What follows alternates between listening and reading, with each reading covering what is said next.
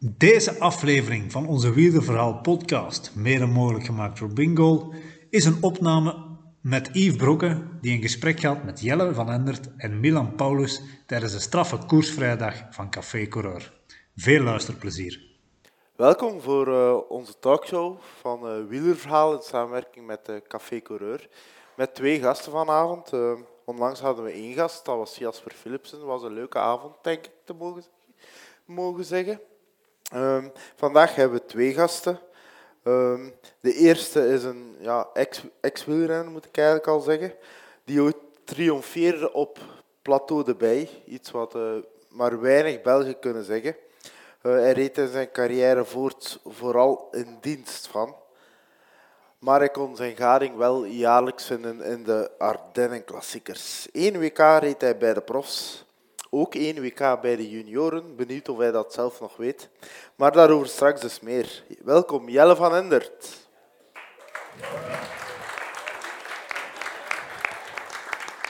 Hey, Jelle.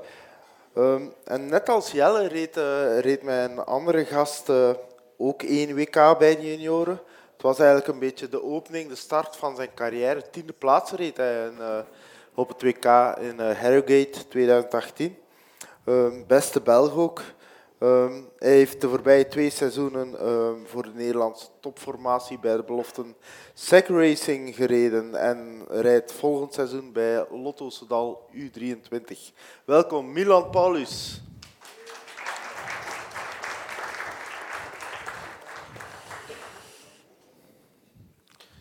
Zet u, doe maar.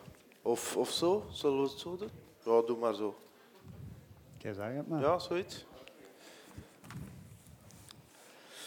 Ja, de eerste vraag is, uh, hoe is het?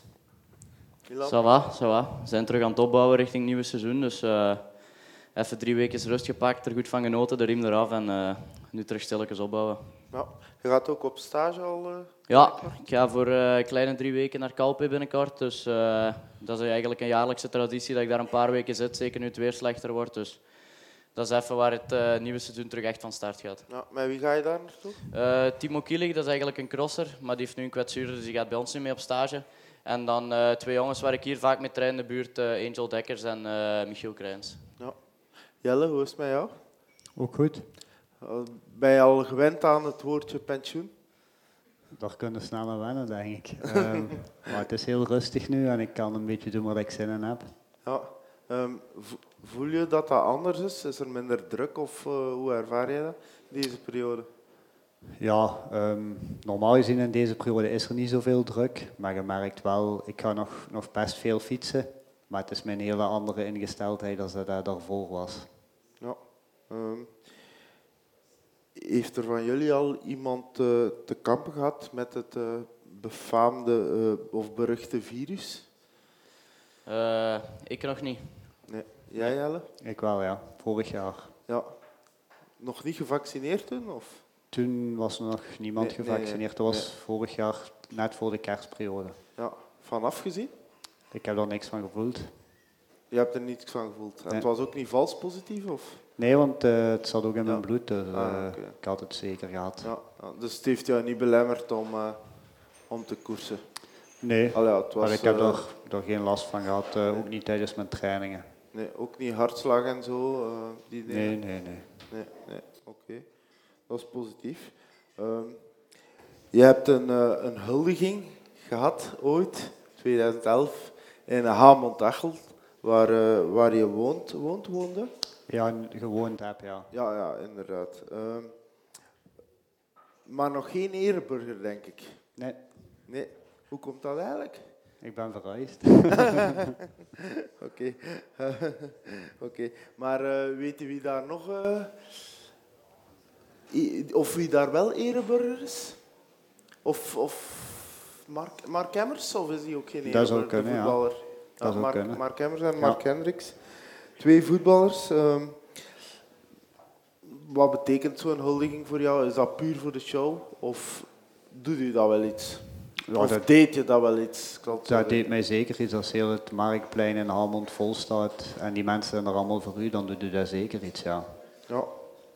Um, ja. Wie is er in, ere, in Sint-Truiden ereburger? Goh, dat is een goede vraag. Ik zou het eigenlijk begot niet weten. Er zijn er twee bijgekomen uh, dit jaar. Nina Derwel ja, en Nina Derwel, ja. Nee. Ambitie om uh, zoiets te doen of ben je daar echt niet mee bezig? Boah, dat is natuurlijk altijd mooi om die erkenning te krijgen, maar dat is niet echt het, het ding waar ik nu al meteen mee in mijn hoofd zit. Nee. Uh, Jelle, wat blijft jou bij van uh, de laatste twee wielerseizoenen bij Bingo Wallonie Brussel? Um, vooral een leuke periode om met uh, jongeren te kunnen samenwerken. En dan ja, natuurlijk ook het uitbreken van corona. Ja, jammer en, en wennen aan de nieuwe leefomstandigheden. Ja. Een domper op uh, ja, wat het laatste hoofdstukje was in jouw carrière? Ja, misschien wel, ja. ja. Hoe, hoe, heb je dat dan sportief beleefd? Want had je, had je zelf nog veel ambitie toen? Ja, maar op een gegeven moment zakt die ambitie wel een beetje weg, omdat ja, de programma's zijn niet meer zoals anders. Um, ja, alles verandert en uh, een lange periode zonder koersen. En ik, weet ook dat ik, net, ik wist ook dat ik naar het einde van mijn carrière toe ging gaan en um, ja, dat het niet meer beter ging worden. Dus ja, op een gegeven moment, je doet er nog wel alles voor, maar je weet ook dat... Ja. ja. Ja. Had je het zonder corona wel nog langer getrokken, denk je? Misschien of? wel, ja. Omdat je dan meer in die routine had blijven zitten en dat dan toch uh, anders was geweest. Ja. Um, je hebt elf seizoenen, denk ik, bij, bij Lotto gereden. Ja. Um, waarom wil je nog doorgaan daarna? Op het vertrek ga ik, ga ik straks nog terugkomen. Maar... Omdat ik nog altijd graag koerste op die moment. Ja. En omdat ik toen ook nog wel goed reed, ja. ja. Um, het vertrek bij Lotto na elf jaar was niet echt uh, in de beste omstandigheden. Je hebt ook nooit, als ik me niet vergis, nooit uh, openlijk gezegd waarom precies dat je daar bent moeten vertrekken. Hè? Nee, dat heb ik um, nooit gezegd. Is daar dan nu tijd voor? Nee, ik, Mag ook, ik, ga, ik, zal dat waarschijnlijk ook nooit doen. Nee? je zei het was niet... Het was, niet, ja, het was een belachelijke reden, denk ik. Het was maar... gewoon niet op een uh, correcte manier. Nee. Ja. Um, en dat was dan al met de komst van Le Lange? Of was dat, ik weet niet of, of dat, dat, daar, dat daar alleen mee te maken heeft, maar ja. ja in ieder geval... Um, iemand die elf jaar bij een ploeg rijdt, ik vind niet dat je dat op die manier uh, vertelt. En, ja, het was via telefoon dus of zo. Ook al ja. Of pot, ja, tussen ja. pot en pint. Ja. Ja, oké. Okay. Je had meer respect verwacht. Ja, ik had het, ik had het mij anders voorgesteld in ieder geval, ja. Dat is, dat is zeker. Ja. Um, waarom koos je voor de ploeg van Christophe Brandt? Zijn er nog ploegen die, die staan aan te schuiven voor een oudje, zal ik maar zeggen? Die was zo 34, hè? Ja, die zijn natuurlijk schaarser als uh, daarvoor. Maar ik heb altijd een heel goed contact gehad met Christophe en uh, blijven houden nadat hij gestopt was al. En dan uh, hebben we eens met elkaar gebeld en toen was het eigenlijk heel snel, uh, snel geregeld. Ja. Hoe blik jij terug op uh, twee jaar SEC Racing, Milan? redelijk goed eigenlijk. Niet alleen op de fiets, maar ook lang de fiets heb ik daar enorm veel geleerd. Uh, door de profkoersen dat ik heb kunnen rijden is mijn motor zoveel groter geworden in twee jaar, denk ik, tegenover andere leeftijdsgenoten bij de U23. Die toch koersen rijden van max 160, 170 kilometer. En bij de profs heb ik toch al redelijk wat koersen van meer dan 200 in de benen. Dus ik denk ja, op de fiets sowieso al enorm veel, maar ook langs de fiets qua, qua meetings. Toen dat corona was, hebben we wekelijkse meetings gehad over, over aerodynamica, sprinttraining uh, klimtraining en, enzovoort. Mental coaching, wat nu ook belangrijker wordt in het wielrennen. Dus uh, ja, ik kijk er wel heel positief op terug, zeker. Ja. Um, wat, wat onthoud je er uh, specifiek van op sportief vlak? goh, vooral de ploeggeest eigenlijk. het eerste jaar was natuurlijk een pak beter. We hadden Jordi Meus, we hadden David Tekker.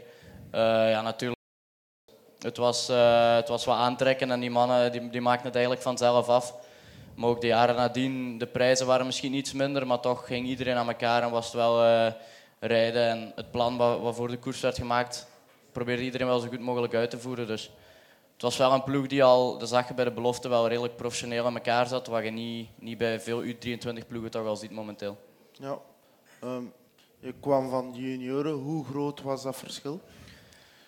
Uh, toch wel redelijk groot. Vooral zoals ik net zei, qua kilometers. Omdat ik niet meteen van die 120 koersen naar die 170 ging, maar meteen naar de 200. Dus ik heb daar in het begin wel heel veel van in de winter, november, december al echt lange trainingen moeten doen van 5, 6 uur om, om dat gat te, te overbruggen. Maar uiteindelijk daarna qua intensiviteit en zo ben ik wel redelijk snel kunnen meegaan in, in, in het tempo van de U23 en de profs. Dus op zich ben ik wel tevreden over de stap die ik heb gemaakt de voorbije twee jaar.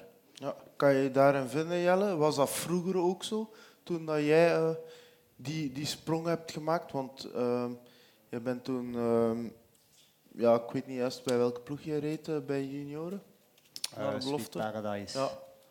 Um, naar de belofte, was dat toen ook zo'n grote stap? Was dat groter, was dat kleiner, was dat meer of minder begeleid dan nu? Ja, Want je was, hebt er wel zicht op, denk ik. Dat was wel anders. Wij reden, ja, ik reed mijn eerste jaar bij de belofte niet bij de profs.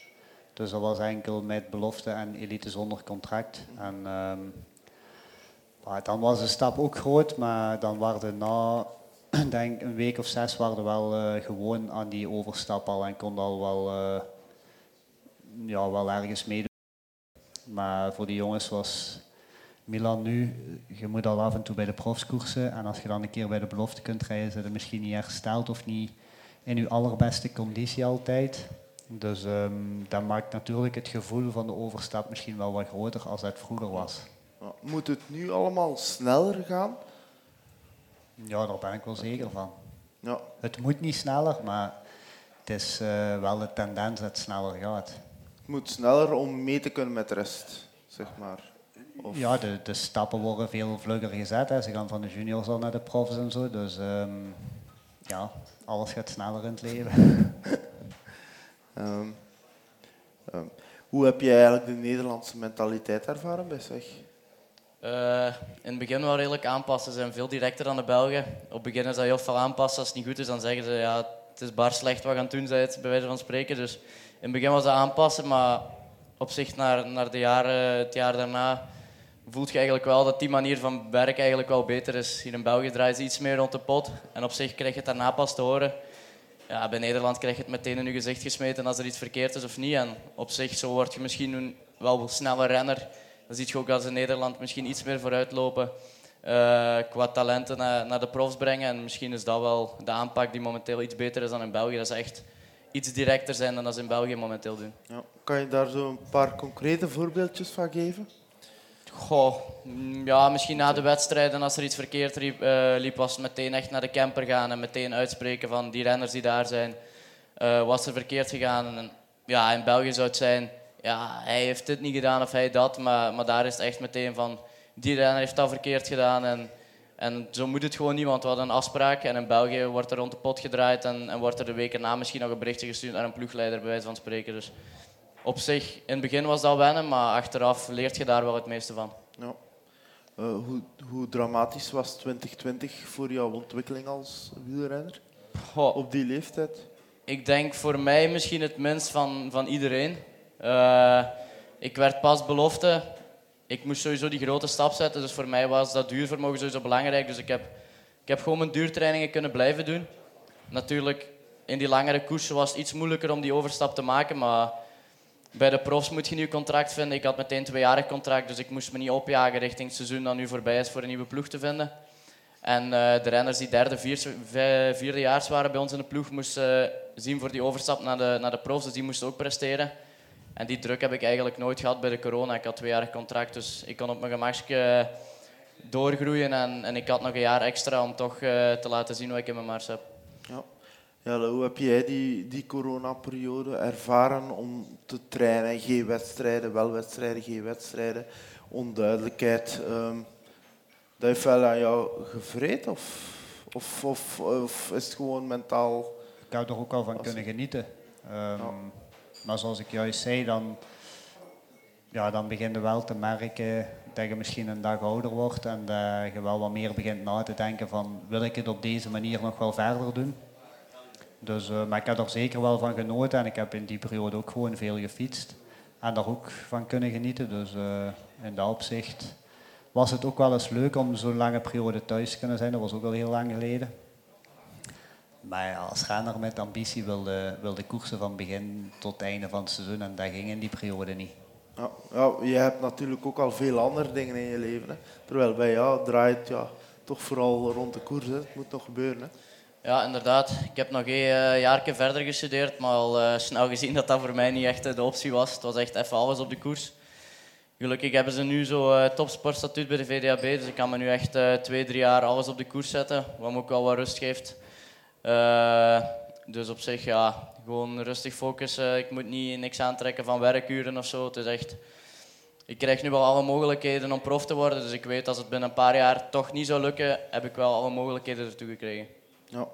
Um, elf jaar lotto, jij, jouw eerste jaar lotto. Um, welke tips kan jij Milan uh, meegeven, Jelle? Goh, ik heb nooit bij de belofte van lotto gereden. Nee, maar oké, okay, ja. Ik denk uh, met Kurt van der Wal heeft hij sowieso een goede ploegleider. Um, ik vond Kurt altijd heel aangenaam om mee samen te werken als ik hem bij de prof zat. Dus uh, ja, Kurt is een rustig persoon en iemand die wel goed koersinzicht heeft. Dus ik denk dat dat wel vanzelf gaat gaan. Ook omdat hij twee jaar bij een van de beste belofteploegen ter wereld heeft gereden, gaat dat geen problemen geven. Ja. Ga je het seizoen anders aanpakken of anders voorbereiden of anders indelen dan de voorbije twee jaar? Goh, de voorbije twee jaar heb ik echt op dat duurvermogen gewerkt voor die langere koersen aan te kunnen. En was het ook van, uh, ja, en die de voorbije twee jaar was gewoon even mijn naam proberen maken richting de buitenwereld toe op die televisiekoersen. Even laten zien wie dan Milan Paulus was. Uh, maar nu, richting volgend jaar, is ook echt in die rondjes zoals Lizar, uh, die vijf, zes dagen in de bergen, toch echt daar proberen om bij de belofte nu resultaten te rijden. Wat de voorbije jaren ook misschien door de corona iets minder is gelukt. Uh, dus nu is het echt wel meer richting resultaten naar die richting even, even in de kijker rijden op tv. Oh. Je hebt wel al wat profkoersen gereden. Hè? Ondanks het feit ja, dat je nog aan je derde jaar belofte moet uh, beginnen. Niveauverschil is groot, maar ja, je kon daar toch mee. Wat wil dat zeggen? Was dat vroeger ook zo in jouw tijd? Dat, ja. dat wil zeggen dat je, hebt inderdaad gezegd dat je niet uh, direct uh, profkoersen hebt gereden. Maar... Mijn ja. tweede en derde jaar als belofte heb ik ja, wel wat profkoersen gereden, ja.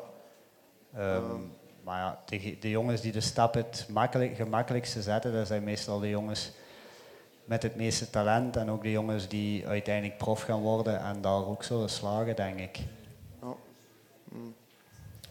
Um, ben je blij dat je elf jaar gebleven bent bij Lotto Soudal? Wat een vraag die ja. mij tussen kwam.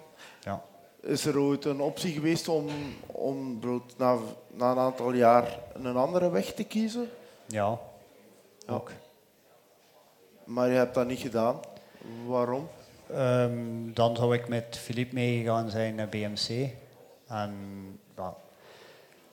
ik vond het op die moment wel leuk dat ik ook alle kansen kreeg om uh, mijn eigen zelf te bewijzen in de Wals Klassiekers en in de Ronde van Frankrijk en zo. Dus um, ik heb daar ook voor een stuk mijn eigen kunnen ontdekken. Was dat achteraf de juiste keuze? Misschien niet, als ik dat nu bekijk over heel mijn carrière. Maar ik sta nog altijd achter die keuze, omdat ik um, mijn carrière niet opgehangen heb aan een bepaalde kopman of zo. En dat ik wel een beetje mijn eigen weg heb proberen te vinden bij de profs. En um, van alle facetten kunnen geproefd hebben. Dus ik ben kopman geweest in bepaalde koersen. Ik heb wel een aantal jongens kunnen helpen aan overwinningen. En dat maakt mij ook wel blij dat ik het op die manier heb gedaan. Ja. Waarom zeg je nu, het was misschien toch niet de juiste keuze? Achteraf was het gemakkelijker geweest om met Philippe mee te gaan en op die kaart te springen. Maar zoals ik juist zei, dan, dan had ik nooit mijn ambities kunnen proberen waarmaken dat ik nu wel heb kunnen doen. Um, maar het was misschien niet slecht geweest ja, om, om af en toe eens van, van ploeg te veranderen en uh, nieuwe wind op te snuiven. Ja, um, dat heeft onder meer geleid in 2012, denk ik, tot een tweede plaats in uh, de Amstel. Ja. Um, na uh, Gasparotto. Ja. Um, zat er daar meer in? Had dat een kantelmoment kunnen zijn in jouw carrière? Of een misschien een tweede kantelmoment na uh, Plateau de Bij het jaar voordien? Ja, als je een klassieker kunt winnen, dan gaat dat sowieso uh, een ander licht werpen over je carrière. Dus uh, ja, het is jammer dat ik dat toen niet heb kunnen winnen. Ja. Heb, is, heb je spijt van dat je niet met, met, met Gilbert bent meegegaan? Nee, zoals ik juist zei, ik, ik, ik ja. kijk met voldoening terug op mijn carrière, dus ik heb daar uh, totaal geen spijt van. Oké. Okay. Um, back in the time. Um, heb jij het WK gereden in? Hamilton. Ja. 2003? Ja. Hoeveelste plaats? 43 of zo. 43ste. Ja. Weet je nog, uh, jullie stonden met vijf Belgen aan de start. Weet je nog wie dat waren? Michiel van Aalbroek, Jojo Roelands, um, ik, en dan ben ik wel Pieter Jacobs ja. en Joris Kostermans. Joris Kostermans, ja. ja. Klopt, inderdaad. En wie is er prof van geworden? Jojo Roelands, Pieter Jacobs en ik. Ja, inderdaad. Weet je nog hoeveel Pieter werd? Hoeveelste Pieter werd, Pieter Jacobs? Nee, maar die was voor mij. Hij was zesde. Dat was inderdaad voor 43ste. Ja, voilà. Oké. Wat, wat onthoud jij van dat WK en hoe belangrijk is dat voor, voor, voor een jonge renner om op die leeftijd op zo'n platform te kunnen acteren? Oh, heel belangrijk is dat volgens mij niet, maar het is wel geleefd, zeker omdat in Canada was. Wij waren twee weken op voorhand al daar. En um, je leeft dan echt een lange periode samen met de belofte en met de profs. Dus in die optiek ja, maakt het uh, wereldkampioenschap nog groter als, als het eigenlijk al is. En um, ja, je zit dan ja, twee weken samen met de Kouwer, met Carlo Bomans en zo. Dus ja. je leert er sowieso heel veel van hoe dat je moet leven als renner. Um, een beetje ook hoe dat je moet gedragen als renner. En uh, ja, in dat opzicht was dat wel uh, een leuke periode en, en, een goede les voor de toekomst. Ja. Was het eigenlijk geen parcours op maat voor jou daar? Ja, ja, op zich wel. Zat er, zat er niet meer in dan, dan enkel ja, een, een 40 in de 40ste plaats? Goh, ik denk dat alleen Kai Reus was alleen voorop. Ik, zeg, ik denk dat wij dan met het peloton daarachter komen of wat er nog overschiet. Dus voor mij op die dag niet, nee. nee. Oké. Okay. Jelle, hoe heb jij Harrogate ervaren? Uh, Milan, sorry. Hoe heb jij uh, Harrogate ervaren?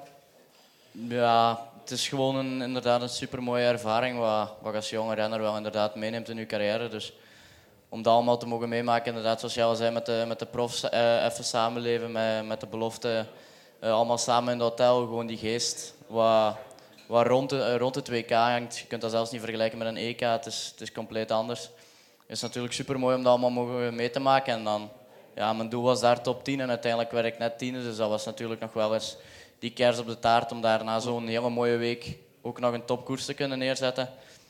Uh, maar op zo'n WK is ook gewoon in één dag alles moet daar mee zitten. Dus ja, het is super mooi om mee te maken, maar, maar om een resultaat neer te zetten moet je, moet je ook de factor geluk een beetje bij je mee hebben. Dus ik ben er alleen maar tevreden op terug. Ja. Um, Jelle, nog eens terug naar de Tour van 2011, Plateau erbij. Was dat voor jou een, ja, dat je daar kon winnen of mocht winnen? Um, omdat uh, de topfavorieten achter jou misschien te veel naar elkaar keken? Was het um, een godsgeschenk dat je daar kon winnen? Of was het misschien ook een vergiftigd geschenk? Of kwam het te vroeg? Of? Iedere overwinning is een geschenk. Want Hoe zeg je? Iedere overwinning is een geschenk uiteindelijk. Hè? Ja. Um, nee, je kunt niet van een vergiftigingsgeschenk spreken, want zoals ik juist al zei, ik ben blij met mijn carrière en ik ben ook met mijn, blij met mijn carrière na uh, die overwinning in de Tour. Ja. Hoe, hoe, vaak word je daar nog over aangesproken? Nou, best vaak toch. Ja. Um, nog één vraagje voordat we gaan pauzeren, denk ik. Um, de jaren erna, had je meer verwacht om, of had je verwacht om meer te kunnen doen in de Tour voor, voor jezelf? Want je bent, je bent dan eigenlijk altijd mee geweest voor, uh, voor Jurgen van den Broek.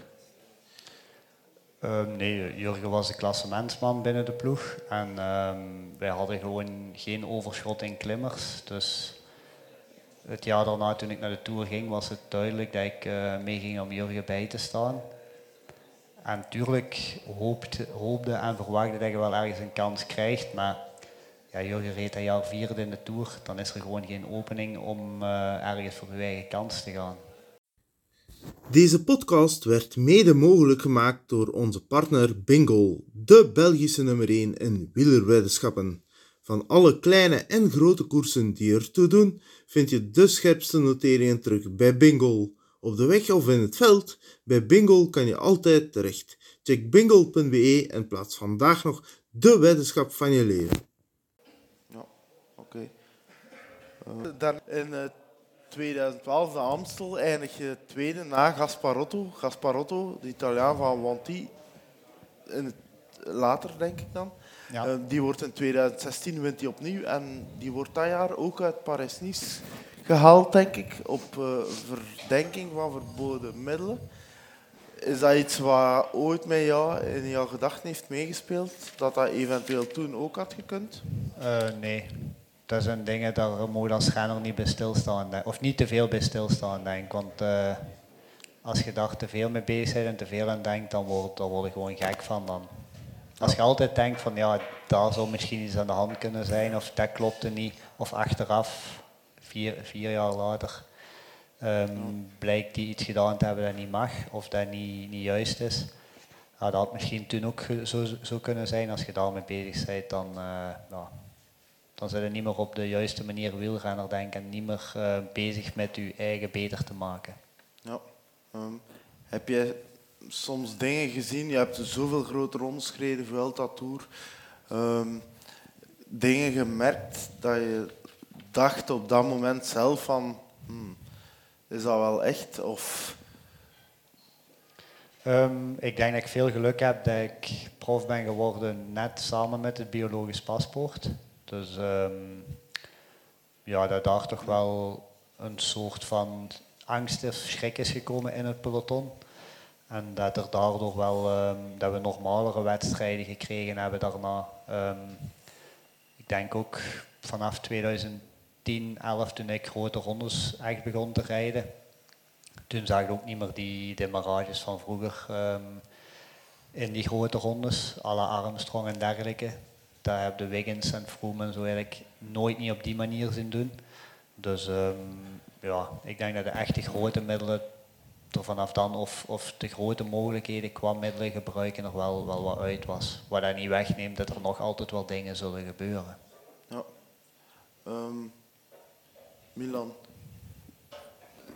ben jij veel bezig met supplementen, met extra dingen? Heb je al dingen gezien uh, waar je vragen bij stelt? Goh, we hebben het er straks eigenlijk net uh, thuis nog over gehad. Dat er bij mij bij renners waren waar ik mee op de kamer lig of dit of dat, dat er veel supplementen pakken of dit of dat. Uh, nu van dit jaar werk ik terug bij mijn oude trainer samen. Die vroeg, ja, wat neemt jij van supplement? Ik zei, ja, vitamine E, D, C. Hij vroeg, ja, maar van supplement? Ik zei, ik neem niks. En puffer? Nee, ook niks. Hij was er eigenlijk redelijk verbaasd van, omdat blijkbaar in, in het hedendaagse wielrennen pakt iedereen een puffer, pakt iedereen supplementen. Uh, maar op den duur moet je daar blijkbaar bij meegaan om, om tot de top te boren. Want als je al die dingen niet ook begint te pakken, dan, dan loop je op dat vlak al zo'n achterstand op dat je, dat je zelfs qua prestaties, gewoon qua trainingen, bijna niet meer kunt bijbenen. Dus het is niet meer echt alleen op de fiets dat je het nu moet doen, maar ook qua supplementen nemen, ook hoogtetenten en al.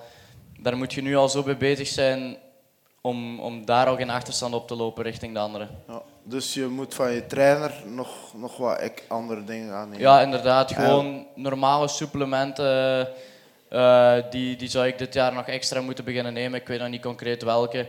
Uh, daar ben ik nu ook nog niet mee bezig. Ik ben bezig met mijn voorbereiding nu momenteel. Dus dat zijn dingen die later komen uh, in de voorbereiding. Maar ik ben daar de voorbije jaren niet mee bezig geweest. Maar ik werk wel ook, ook bij de beloftecategorie dat er daar al meer en meer renners bij bezig zijn qua, qua supplementen pakken. Ja. Weet jij waarover hij het dan heeft? Wat zijn dan dingen om meer kracht, sneller te recupereren?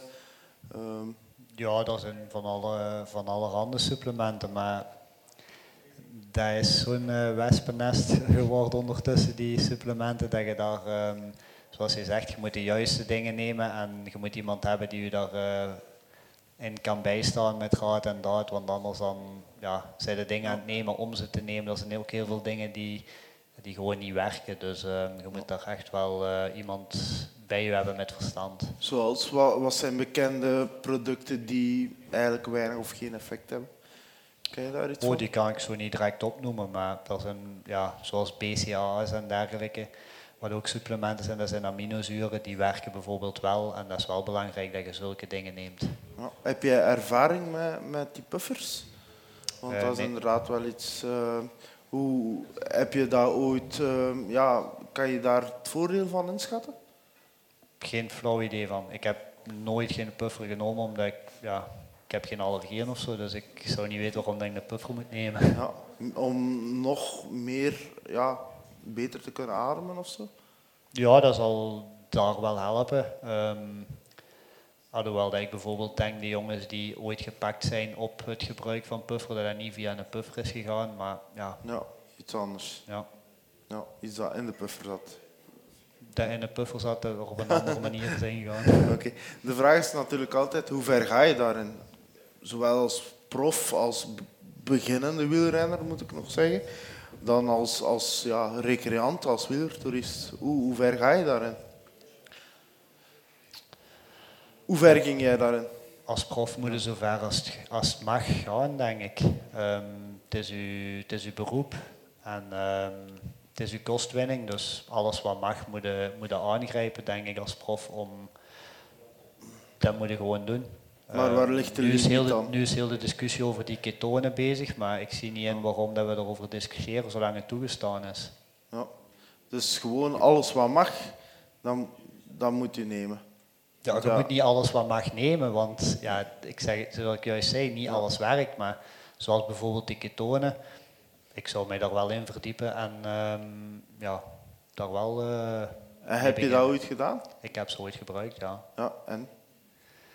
Dat was niet goed. Uh, allee, dat, dat werkt, maar de persoon waar wij dat mee hebben gedaan toen binnen de ploeg, dat, die had er geen verstand van.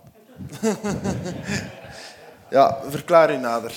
ja, gewoon. Ik, ik nam toen tijdens de tour ketonen bij het ontbijt, bij, tijdens de koers, bij het avondeten, bij alles, maar ja, je leefde er niet, ik ging er niet sneller van rijden. Ja, ik leefde eigenlijk op ketonen, ja. Ja.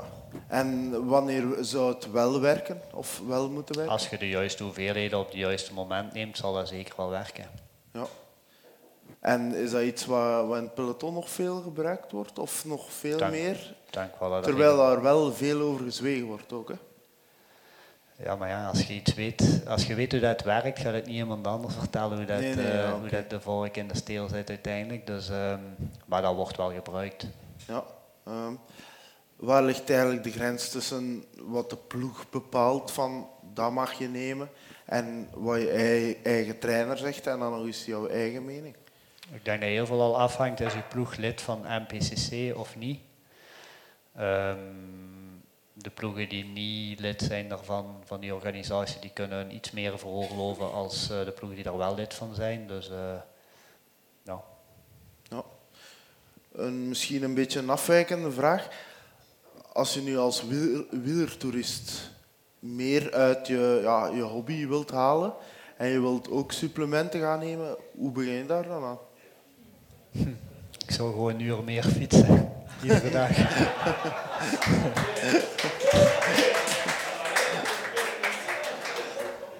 Oké. Ehm, iets anders. Ehm, ja, je bent grote rondes beginnen rijden. Ehm, jij moet heel hard op je gewicht letten. Of je moest dat doen in die periode. Hoe moeilijk is dat? Hoe lastig is dat? Fysiek, mentaal, hoe moet je daarop afstemmen van je lichaam? Wat eet ik? Wanneer eet ik? Hoe, lastig is dat en hoe, hoe hard ben je daarmee bezig van, van dat je opstaat tot het moment dat je gaat slapen? Ehm, ik ben nog opgegroeid met het, of ja, ik ben opgegroeid met het principe niet trainen, niet eten, veel trainen, veel eten.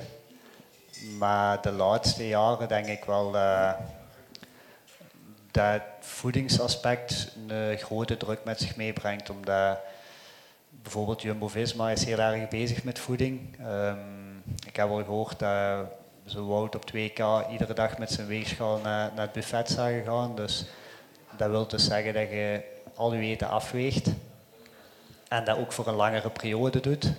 En ik kan me wel voorstellen dat dat, dat, wel wat druk met zich meebrengt als je dan uh, ja, niet direct de weegschaal, het, het, het getal kan ook nog eens ziet dalen. Dus ik denk dat er wel extra druk bij komt kijken bij het aspect voeding, wat dat bij mij in mijn tijd wel minder, minder aanwezig was. In welke zin was het? Zoals ik zeg, bij ons was het meer van niet trainen, niet eten en veel trainen, veel eten. Dus de dagen dat wij maar niet Maar wat is veel eten? Dat was dan gelijk gezin had. Hè. Tot het op was. Ja. En gezond. Ja. Oké. Ehm, hoe belangrijk zijn trainingsschema's? Want vroeger werd er, ja, had je renners die zeiden van ik train op mijn gevoel. Waar ik me goed hoeveel train ik. Andere, trainers zijn heel, andere renners zijn heel hard gefocust op, op trainingsschema's. Hoe, hoe was dat bij jou? Waar, waar lag die verhouding?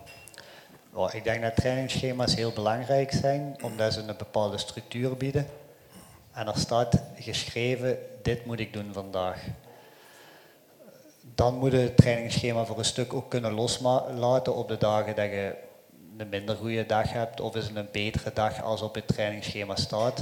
Ik denk dat je daar wel een beetje als renner moet in durven veranderen op die moment zelf. Als je een mindere dag hebt en je voelt na één of twee blokken die je hebt gedaan en je moet er vijf doen van dat gaat hier niet en het gaat echt niet, dan moet je de rest ook niet doen. Omdat ja, mentaal ga je daar een knak van krijgen. En fysiek uh, brengt dat dan ook niks bij. En als je ooit een betere dag hebt, is het misschien beter om in plaats van die vijf blokken er eens een keer zeven te doen. Dus je moet een schema hebben om een leidraad te hebben, maar je moet het ook los kunnen laten op bepaalde momenten. Ja, en bijsturen. Ja. Wat is jouw visie daarop, uh, Milan? Ja, Hoe zie jij dat? Inderdaad, zo'n beetje zoals Jelle zegt, een, een trainer kan wel een, een trainingsschema opstellen, maar op den duur als je een week iets minder voelt, moet je, moet je daar niet je zwaarste trainingsweek van gaan maken. En uw trainer kan ook niet altijd 100% weten hoe dat jij je voelt. Dus je moet ook zelf een beetje het initiatief nemen om tegen je trainer te durven zeggen vandaag gaat dat niet, ik voel mij minder. Of vandaag voel ik mij super, kan ik iets langer doen. Dus ik denk uw eigen ingeving daarin is super belangrijk. Ik denk dat sommigen tegenwoordig iets te veel echt met die nummertjes bezig zijn. Ik moet drie uur, dus ik mag geen minuut meer of geen minuut minder. Of, of als je 200 watt moet rijden, ik mag geen 210 of ik mag geen 190. Op het einde is het belangrijk dat je ook gewoon nog gewoon geniet van je trainingen, denk ik. En niet, niet te veel bezig bent met de nummertjes. Ze zijn natuurlijk wel belangrijker nu in het hedendaagse wielrennen, maar ik denk het hoofddoel is nog altijd gewoon genieten van wat je doet. Ja. Um, Jelle, uh, je bent nu gestopt. Um, heb je afscheid genomen van die, die schema's? Um, of gebruik je dat nog ergens om een houvast te hebben? Of is het echt weg en ik heb het, geen het, uh, waarom zou ik nog het rijk van de vrijheid? ik, ik, hoef geen schema te volgen, dus uh, ik heb dat volledig losgelaten, die schema's. Ja, uh, was dat een opluchting of voelde nee, je een beetje ik, een vast die weg was? Ja, ik ga nu op, op deze moment fiets ik nog, nog bijna iedere dag om iets te doen te hebben. Maar uh, dat is zonder schema. Maar als wielrenner zijn die schema's gewoon belangrijk. En ik heb het altijd leuk gevonden om met een trainer te kunnen samenwerken, omdat je er als renner ook veel uit kunt leren van, van bepaalde andere mensen en, en ervaringen van andere mensen. En het is niet alleen de trainer die de renner beter maakt, maar het kan ook omgekeerd zijn dat je samen ervoor kunt zorgen dat je beide beter wordt. En heeft mij altijd wel geïnteresseerd om, uh, om daarvoor een trainer en een trainingsschema te hebben. Ja, je zegt ik fiets nog elke dag. Hoe hard kan je daarvan genieten? Heel Als ex-prof? ik ben niet gestopt omdat ik niet meer graag fiets. Dus uh, ik kan daar heel, heel erg van genieten. Ja. ja. Is het op een bepaald moment in je carrière een, een, een opdracht geweest om, om kilometers te maken? Um, ik heb nooit een periode gehad waarvan ik zeg, nu doe ik het niet meer graag. Nee. Heb jij al ergens gevoeld dat je, hopelijk nog niet, Uh, nee, ik denk zoals iedereen, als het, wat, als het wat minder weer is en er staat 4 uur op, ja, natuurlijk heb je dan iets minder zin om te gaan trainen dan als er 30 graden is en je zit in Calpe of zo. Dus natuurlijk is er dan iets minder, iets minder goesting, maar het is niet dat ik opsta en denk van maar vandaag wil ik echt niet trainen als, als het weer meevalt of zo. Dus uh, het zou ook nog iets te vroeg zijn denk ik om dat nu al te hebben. Als jij gaat fietsen in de week, hoeveel kilometer, uh, wat moeten we ons daarbij voorstellen? Hoe pittig is dat? Welk tempo rij jij? Uh, kies jij nog altijd de, de Ardense heuvels? Of, ik rij uh, voor het moment alleen uh, in het bos en in het veld. Ja, mountainbike. Ja, met de, ik heb met de crossfiets, ja. Ja. alleen? soms met vrienden, dat hangt er vanaf. ja. ja. door de week is het soms wel moeilijk, want die moeten ook werken. Dus ja, is wel vaak alleen, maar in het weekend ga ik een toertocht. Ik heb vorige week uh, Milan nog gezien trouwens. Dus. Ah ja, waar? Uh, Hechtel Excel. Ah, oké. Okay. Dus, uh, ja. ja. Leuk. hoe competitief ben je nog? Voor mij is dat volledig weg. Het gevoel van de rugnummer en zo op, opspellen, dat hoef ik niet meer terug te hebben. En ik wil gerust rap, snel fietsen. Dat kan nu nog, dus waarom niet? Maar ik heb geen behoefte om mij nog te meten met, uh, met anderen. Nee. Um, jij hebt dat wel, veronderstel ik. Ja. Um, zijn er ook momenten dat je het toch niet hebt? Of dat je zo'n toertocht, moet je dan ook uh, echt volle gas open en zo hoog uh, mogelijk eindigen? Of? Ja, ik moet zeggen, tot nu de seizoenen bij SEG was er bij mij zelfs losrijden, een uur losrijden was met, met drie, vier kameraden. En dat was gewoon bij wijze van spreken een koersje sprinten tot aan elk verkeersbord dat er stond. Uh, de toertocht was ook gewoon vlammen, allemaal het eerst het bos in en zien wie het, wie het eerste aan de bevoorrading is, bij wijze van spreken. Maar ze hebben mij wel echt de vorige jaren geleerd, ook natuurlijk door die duurtrainingen worden nu in plaats vroeger drie uur, worden nu, nu vijf, zes uur de lange trainingen. Dus je voelt echt wel dat je die rustige dagen nu nodig hebt. Dus automatisch gaat je wel de, gewoon een rustige duurtraining en de dagen dat je moet losrijden, gaat je nu echt wel pakken als, als rustige dagen en niet meer echt volle bak koersen. Dus het is er wel nog altijd, maar het is wel op bepaalde trainingen geminderd, omdat je echt weet van nu moet het rustiger aan, omdat er zwaardere trainingen aankomen. Ja. Jelle, ze zeggen wel eens dat je soms wel een beetje harder had mogen trainen. Wat vindt u daar zelf van? Ik heb heel veel alleen getraind, dus ze hadden altijd mee mogen komen op training. Er zijn niet heel veel mensen die mij hebben zien trainen, dus ja. Nee. Je ging altijd alleen trainen? Veel wel, ja. Ja, waarom? Omdat er bij mij in de omgeving niet zo heel veel renners waren, dus uh, ja, waren veel trainingen wel alleen. Ja. Ging jij vaak trainen op jouw favoriete parcoursen van, van de Amstel, van de Waalspijl, Luik? Ik nam vaak de auto richting de Ardennen en voor de Amstel en dergelijke kon ik van thuis uit vertrekken en dan het parcours wel doen. Dus uh, meest, de meeste van mijn trainingen gingen die kant op. Ja.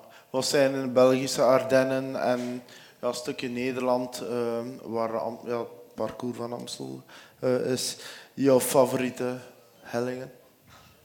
Um, Kouberg is wel een van mijn favorieten. Waarom? Het verschil tussen goed en slecht is daar buitenblad of binnenblad. En um, ja, dat is wel fijn dat gevoel om daar buitenblad op te rijden. Dus uh, dan weet je ook dat het snel gaat meestal. Dus ja, dat, ja. daar voelde dat het beste, vind ik. En, kan je dat nog? Dat weet ik niet. je bent niet meer de Kouberg op geweest? Dat is uh, wel even geleden nu, ja. Ja, ja. oké. Zou je dat nog willen kunnen? Of denk je, is uw fysiek al heel hard gezakt? Ik veronderstel van niet.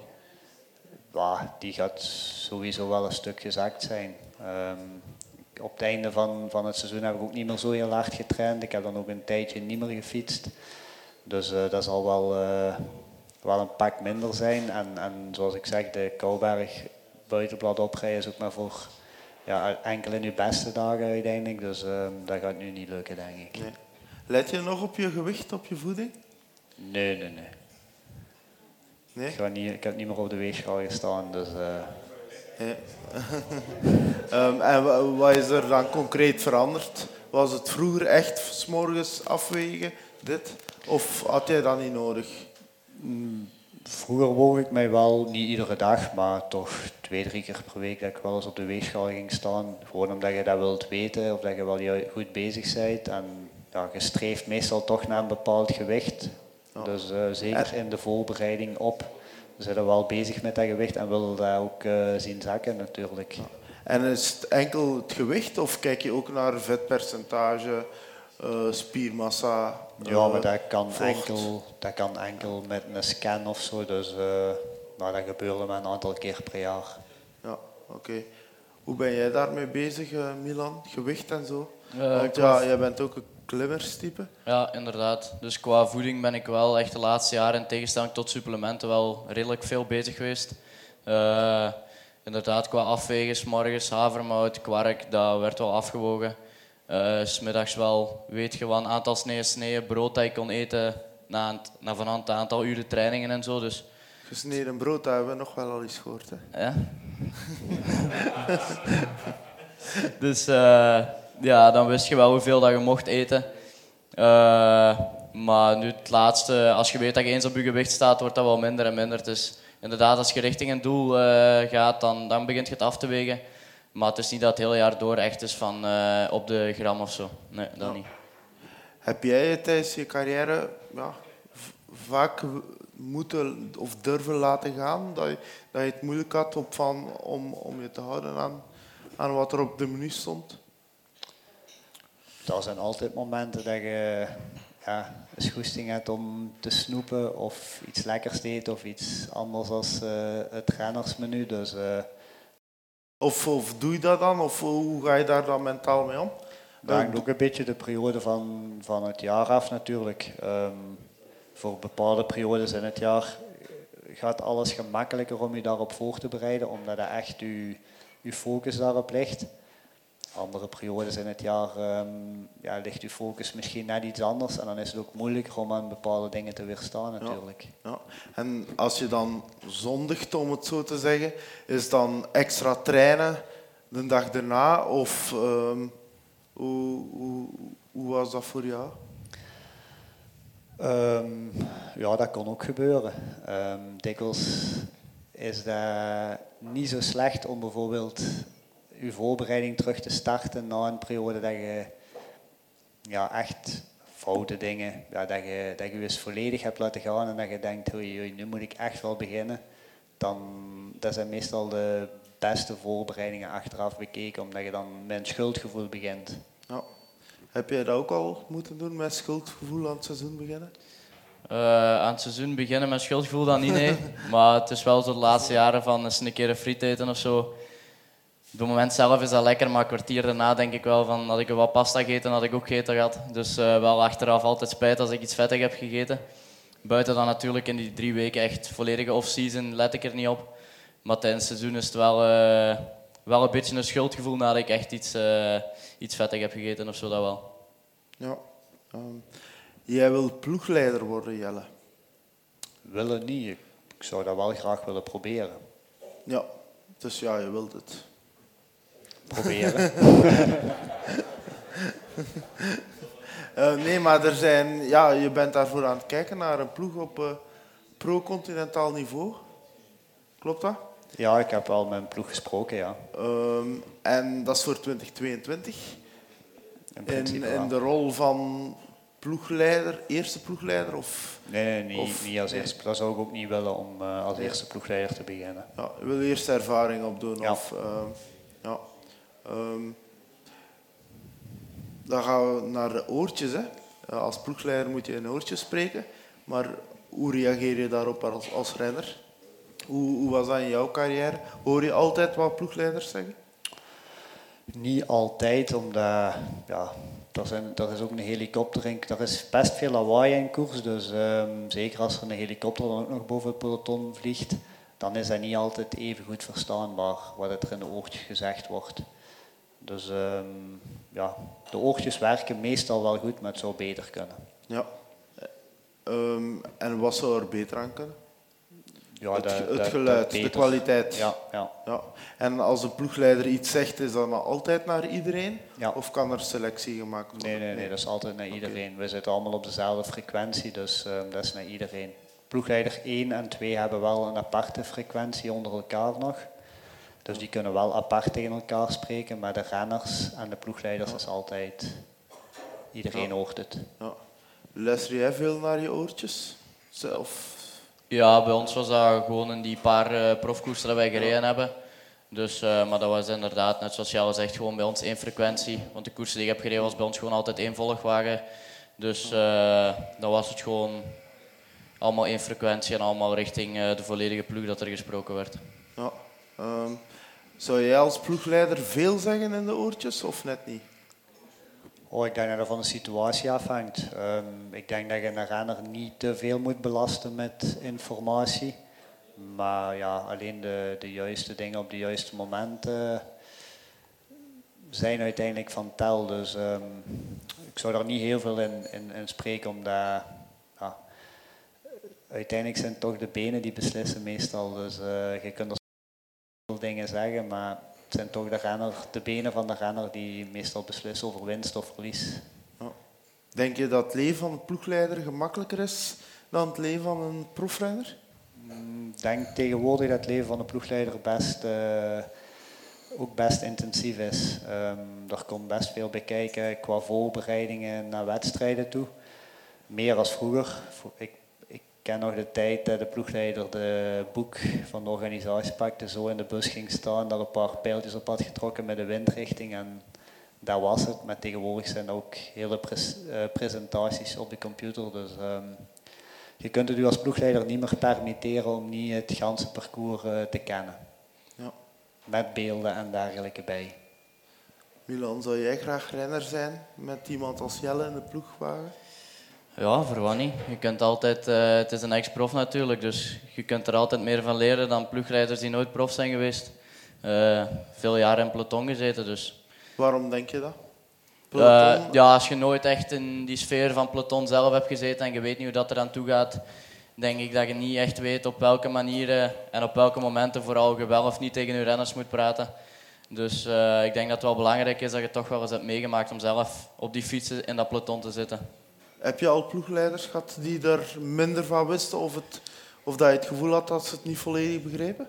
Uh, nee, dat niet, maar gewerkt wel. We hebben nu vorig jaar bijvoorbeeld Pim Lichtaert gehad, die pas ook gestopt was als prof.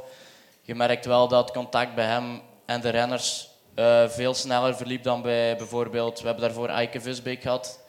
Uh, die is natuurlijk in zijn jonge jaren ook renner geweest, maar dat is al veel langer geleden. Dus we merkten wel dat bij Pim hij het nog veel sneller begreep hoe dat wij ons voelden na een koers of, of in de koers zelf ook, wat hij tegen ons kon zeggen of niet. Dus je merkt wel dat als ze pas uit het peloton komen, die, die band er sneller is. En uh, ze ook weten wat ze moeten zeggen op welk moment. Ja. Wie zijn, uh, Jelle, uh, jouw favoriete ploegmaats of, of renners in het peloton geweest in, in jouw carrière waar je geregeld mee babbelde of op de kamer mee lag of op stap mee ging? Well, sowieso Philippe Gilbert. Um, met mijn broer heb ik daar, zijn ook vier heel fijne jaren geweest. En dan uh, ja, zijn er best veel. Jasper de Buist, waar ik nu nog altijd veel contact mee heb, die is benoemd ook.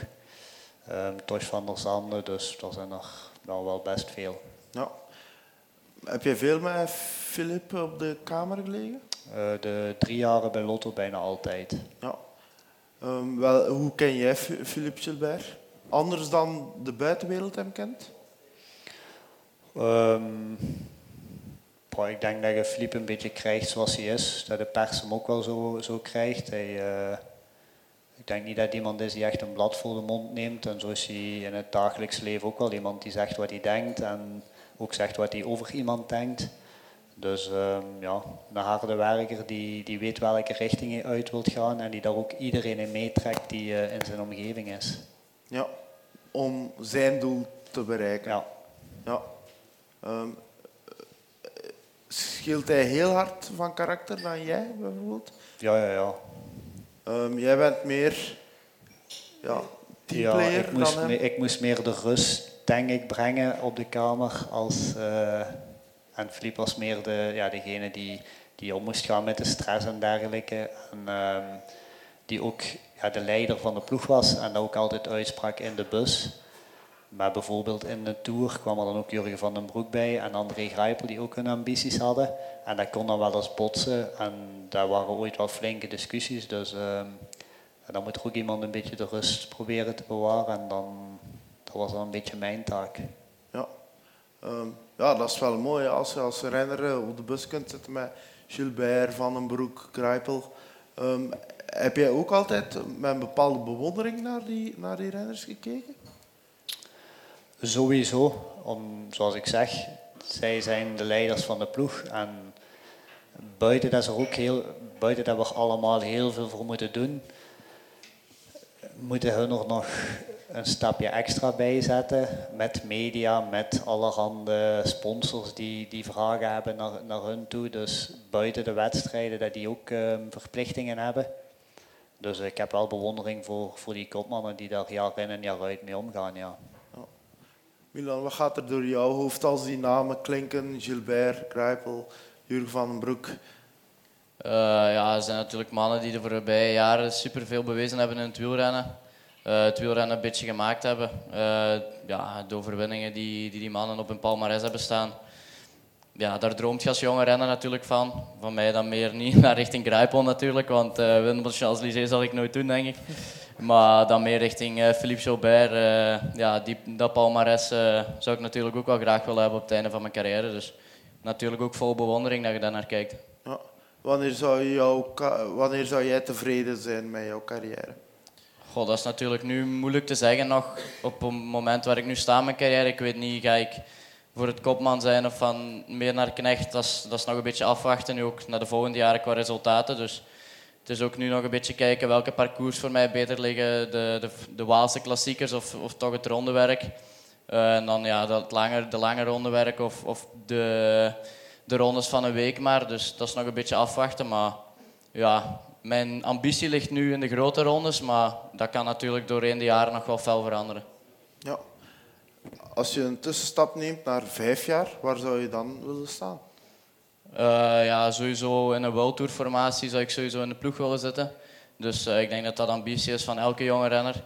Uh, maar waar precies, zeg ik, dat is echt moeilijk te zeggen waar, waar dat je terechtkomt. En welke ploeg hangt daar ook veel van af, denk ik. Bij de ene ploeg krijg je iets meer vrijheid, omdat er niet echt de uitgesproken kopman is misschien. En bij een andere ploeg dan weer wel. Dus het is echt een beetje te zien, denk ik, in welke sfeer dat je terechtkomt. Ja. Um, jij bent er nu twintig. Jongens als Remco Evenepoel, Kian Uitenbroeks. Remco is een jaar ouder, denk ik, dan jij, maar was jonger toen hij al naar de World Tour ging. Kian Uitenbroeks uh, wordt uh, in 2022 ook prof bij Bora. Um, hoe kijk jij naar die gasten? Quinn Simmons bijvoorbeeld bij Trek Segafredo. Hoe kijk jij naar die gasten die hop van de juniors naar uh, de profs direct springen? Ja, natuurlijk. Bij Remco heb ik redelijk veel mogen samenrijden, ook op stages. Maar ik denk dat iedereen zijn een tijd is. Het is precies of dat iedereen die nu uh, goed rijdt bij de beloften of bij de juniors al meteen, uh, al meteen prof moet worden. Ik denk dat dat misschien een beetje het gevaar wordt de volgende jaren. Dat ze iets te vroeg gaan overgaan en daardoor misschien hun groei een beetje overslaan richting de profs. Uh, maar het is natuurlijk mooi dat zij zo vroeg die kans krijgen. Als ik het zelf zou mogen doen, zou ik het waarschijnlijk ook niet afslaan. Dan zou ik ook naar de profs gaan. maar ik denk dat dat vooral het gevaar is. Remco is natuurlijk een uitzonderlijk talent, maar zo lopen er geen tien rond. Dus ik denk wel dat ze allemaal moeten kijken, zoals ook Quint Simmons. Natuurlijk ook niet slecht gereden bij de pro's de vorige jaren, maar je merkt toch dat, dat de overstap niet zo vlot gaat als ik denk dat, dat de meesten zouden verwacht hebben. Jelle, kan jij dat beter inschatten? Eh, kan je effectief iets, iets bijleren bij de U23 dat je mist als je van de juniors naar de pros uh, gaat? Ik denk dat zeker wel, ja. In welk opzicht? Um, het blijven winnen, bijvoorbeeld. Um, ik las van een week een artikel met Sian Uitenbroeks waarin staat dat hij de volgende drie jaar geen enkele prestatiedruk heeft. Ja, dan denk ik, begin bij de belofte, probeer daar een palmarès op te bouwen, word dan prof. Um, winnen is iets dat verliest als renner. Op een gegeven moment, als je heel veel profs ziet ook, die lead-out worden of zo voor een sprinter. En als de dag dan komt dat ze zelf nog eens mogen sprinten, kunnen ze niet meer winnen, want ze zijn dat instinct kwijt. En dat geldt voor iedereen. Als je niet regelmatig in een situatie komt dat je de koers kunt winnen, dan verliezen ze een beetje dat instinct. En ik vind dat je dat als jonge renner zeker moet proberen te behouden. Dus daarom denk ik dat het voor Sian misschien wel goed was om toch één jaar bij de belofte te rijden. Um, ja, Remco heeft bewezen dat hij die stap niet nodig heeft en dat hij die ook gewoon kan overslaan. Dat heeft hij wel bewezen zijn eerste jaar bij de profs met al zijn overwinningen. Dus voor hem gel, ja, is dat weer anders. Maar ik ben niet echt voorstander om de beloftecategorie over te slaan. Hoe belangrijk is een entourage voor uh, een jonge profielrenner of een jonge wielrenner die op de, ja, op de doorbraak staat eigenlijk? Nou, heel belangrijk. en wie zijn dat dan? Of wie waren dat bij jou bijvoorbeeld de jaren dat je doorbrak bij uh, Sport Vlaanderen, Française de Jeu? Bij je entourage begint sowieso met je ouders. Hè. Die zijn er van jongs af aan bij geweest en die hebben nu sowieso al gebracht tot, tot het punt waar dat je dan op die moment staat. Dat is prof worden. Dus dat is al een, belangrijk, een belangrijke factor in je ontwikkeling als renner. Hoe staan die daarin? Um, hoe gaan die met bepaalde situaties om naar u toe, naar, naar de rest? naar de rest toe, want er komen ook wel eens gesprekken om te veranderen van ploeg of dergelijke. Dus um, dat is heel belangrijk, denk ik, in uw ontwikkeling om later ook bij de profs uw weg te vinden. En dan is het gewoon belangrijk om samen met uw ouders een, een goed team rond, rondom u te krijgen met een juiste trainer, met misschien een goede kine of osteopaat, al die dingen worden belangrijk um, om die entourage compleet te maken, om die stappen te kunnen laten zetten richting de profs. En dan bij de profs, ja, dan hangt het er vanaf in welke ploeg dat je tekent, zoals hij juist aanhaalt. Bij sommige ploegen hebben je vrijheid in um, met wie dat je samenwerkt en dergelijke. Maar andere ploegen die zijn heel strikt. Hun trainers, hun diëtisten, hun alles.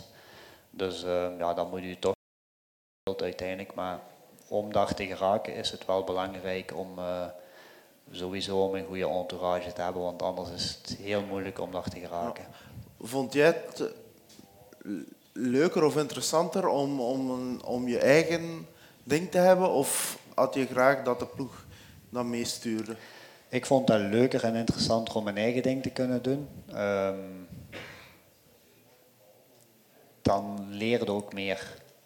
Dan moet je meer bezig zelf, meer dingen zoeken, meer uitzoeken.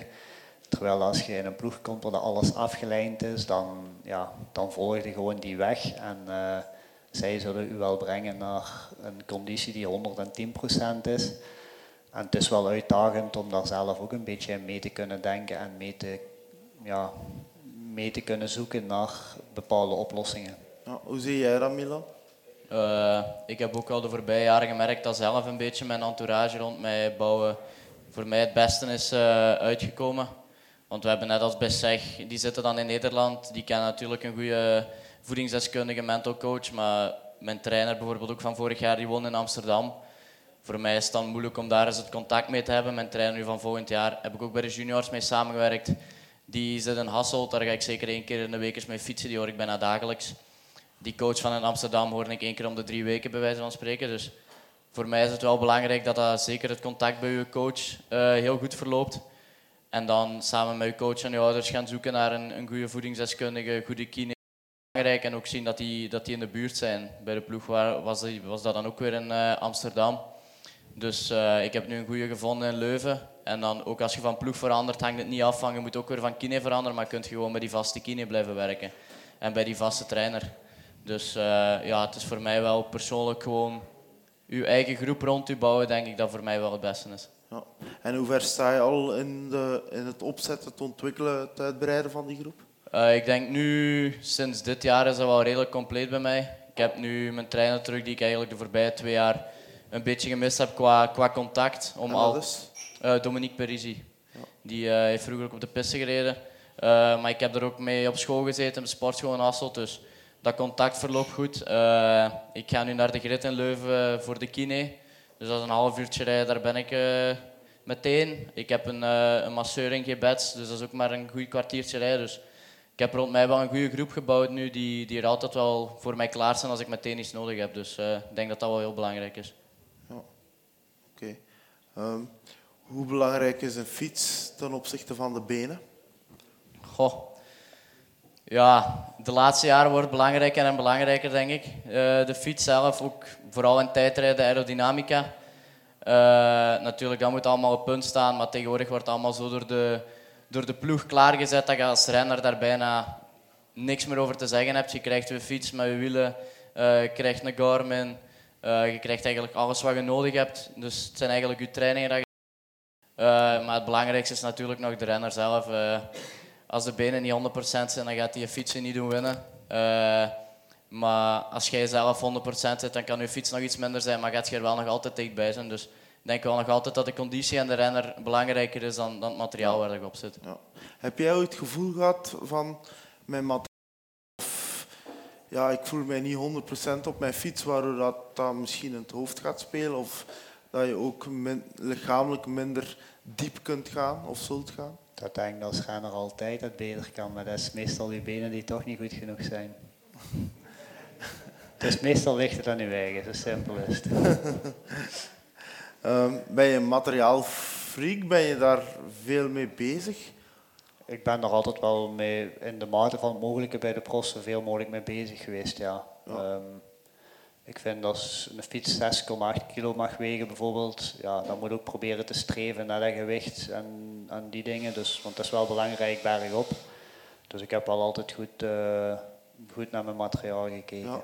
En kijk je dan naar gewicht van wielen of eh, kwaliteit van wielen of spaken? Of, eh, Alles, alles in de mate van het mogelijke, want je zit met materiaalsponsors, dus er is heel weinig ruimte om, eh, om dingen te doen. Maar je kunt, ja, je kunt nog van alle dingen met, met boutjes en alles, andere schroeven en zo, carbonnen boutjes. En, dus er zijn wel een beetje mogelijkheden om enkele grammen te winnen en dat heb ik wel vaak gedaan ja, als, als het mij niet aan stond. Ja. En op training ook, als je thuis was, veranderde je dan dingen aan je fiets? Nee, zelden, want ja, je zit met een trainingsfiets en, en wedstrijdfietsen, dus ehm aan mijn trainingsfiets deed ik zo weinig mogelijk. En jij, eh, Milan? Eh, qua zelf kijken eh, naar mijn fiets zelf vertrouw ik eigenlijk altijd volledig op de ploeg. Ik ben niet iemand die echt gaat, gaat streven naar dat minimumgewicht of zo. Eh, net zoals Jelle wel zei, ik hang vast aan de sponsors.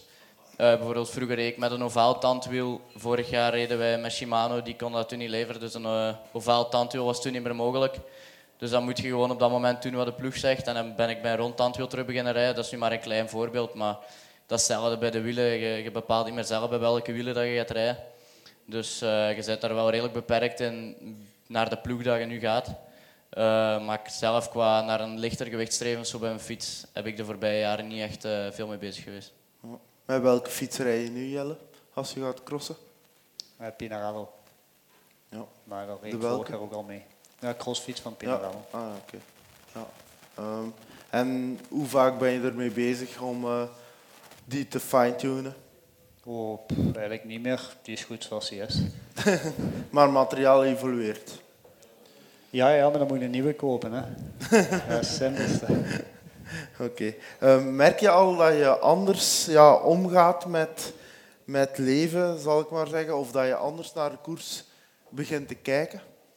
Of moet dat Ehm, ja, ik heb nog geen koers gezien sinds ik gestopt ben, want ja, ik ben ja, ja, pas gestopt. Dus, maar ja, ik heb thuis ook een eh, stiefzoon die koers, dus ja, ik begin, ik begin wel te merken dat ik meer daarmee bezig ben en, en daar probeer ehm goede raad weg te geven en, en probeer het beste voor hem eh, mogelijk te maken. Ja. Dus eh, ja, zoals ik juist zei, dat interesseert mij wel ja, om, om eh, proberen renners beter te maken.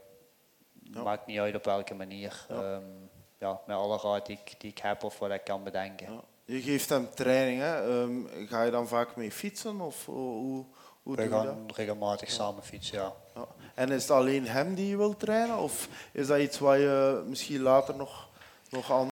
Ehm, ik heb altijd die boot een beetje afgehouden, omdat ja, als je zelf nog koerst en je hebt dan ook nog een aantal renners die je traint en je wilt dat goed doen, daar, komt toch, daar kruipt toch wel wat tijd in. Dus ik heb altijd de boot afgehouden om dat, om dat te doen. En op dit moment heb ik ook niet direct interesse om, eh, om, al, met, om al trainer te worden. Misschien dat ik daar wel de nodige cursussen voor ga volgen om eh, mij daar wat meer in te verdiepen om het beter te kunnen doen als ik het nu doe voor, voor hem alleen. Ja. Nog eens terug naar de actieve carrière. Milan was voor jou tot nu toe het hoogtepunt op sportief Eh, vlak. ja, sowieso door heel belevingen rond het WK, denk ik. Eh, dat is niet gewoon die ene koers van drie uur die telt, maar dat is echt eh, heel die week die sfeer er rond het WK, dorp zelf. Eh, daarna ben ik ook naar daar gebleven met de supporters die er voor mij waren, gewoon om nog naar de WK's van de beloften en de profs te kijken. Dus ja, naar de meeste koersen gaat je en die koers is die dag en de dag erna zit je het vergeten. Maar naar de WK leeft je, leeft je weken, zelfs maanden toe. En ja, dat is niet snel iets wat je vergeet als je dat hebt meegemaakt. We zijn toen met de bus van Quickstep naar, naar het WK mogen gaan dat jaar. Dus dat zijn dingen dat je niet vergeet dat je dat hebt meegemaakt. En dat is alleen maar mooi dat ik dat heb mogen doen. Dus voor mij is dat echt wel het mooiste moment tot nu toe in mijn carrière. Ja. Jelle, was voor jou het moment van je carrière? Toerritwinst. Ja. Dat is sowieso het mooiste, ja. Wat weet je nog van die dag? Was er een plan voor die dag? Niet bepaald, want ja, Jurgen van den Broek was gevallen, dus de ploeg zat zo ja, voor het klassement en in het hooggebergte zo een beetje ambitie in de bus. Maar Man Frison die gaf mij wel alle dagen alle details van de ritten die hij had verkend met Jurgen. En die rit had hij ook verkend, dus uh, Herman schreef nog alles op. Dus ik kreeg ze een boek en had ik allemaal eens nagelezen. Dus ik had wel ambities in het Hooggebergte om alleen al maar om te zien hoe ver mijn mogelijkheden daar reikten. Dus uh, ja, voor mij was dat ja, het mooiste moment uit mijn carrière. Ja, maar die dag naar plateau erbij, met welke ambities sta je daar aan de start? ik was twee dagen daarvoor uh, tweede geworden. Dus ik voelde toen wel dat er een kans was om een rit te winnen. En uh, ja, mijn ambities waren eigenlijk om proberen te winnen. Ja. Op plateau erbij. Ja. ja Maakt mij niet uit waar het was. Nee, nee, oké. nee, maar die dag was het op plateau erbij. Ja, ja. ja.